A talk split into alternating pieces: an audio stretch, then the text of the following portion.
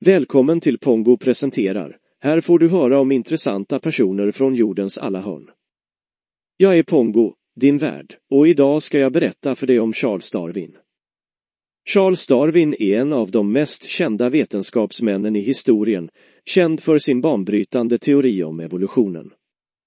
Men det finns också många roliga och personliga fakta om hans liv och personlighet. Charles Darwin föddes i England 1809 och var den femte av sex barn.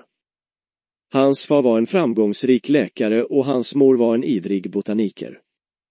Darwin var en duktig elev i skolan, men hade också ett stort intresse för naturvetenskap och samlade på skalbaggar, fjärilar och andra insekter. Efter att ha studerat medicin och teologi vid universitetet i Cambridge fick Darwin möjlighet att delta i en femårig forskningsresa runt om i världen med skeppet HMS Beagle. Under resan samlade Darwin in prov av växter och djur från olika delar av världen och det var på denna resa som han började utveckla sin teori om evolutionen. Darwin är mest känd för sin bok om arternas uppkomst från 1859 där han förklarade sin teori om naturligt urval, att individer som är bäst anpassade till sin miljö tenderar att överleva och föröka sig, medan de mindre anpassade dör ut.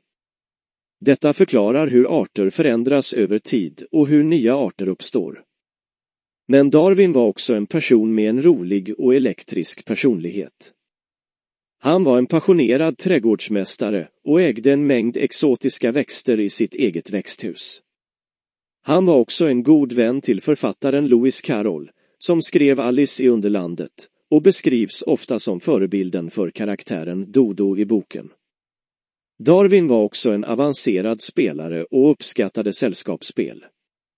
Han var särskilt bra på backgammon och spelade regelbundet med sin fru och andra vänner. Slutligen var Darwin också en familjeman och hade tio barn tillsammans med sin fru Emma. Tyvärr dog tre av hans barn i späd ålder, vilket var en stor sorg för Darwin. Men hans barnbarn var en stor källa till glädje för honom och han tillbringade mycket tid med att spela med och berätta historier för dem. Sammanfattningsvis var Charles Darwin en genialisk vetenskapsman med en mångfacetterad och rolig personlighet. Hans teori om evolutionen har haft en enorm inverkan på vetenskapen och hans arv lever vidare än idag. Tack för att du har lyssnat. I nästa avsnitt kommer jag presentera en av tidernas största författare och dramatiker, William Shakespeare. Du kan även lyssna på mig i podcasten Pongo förklarar eller följa med mig ut på resa i Pongo Resor.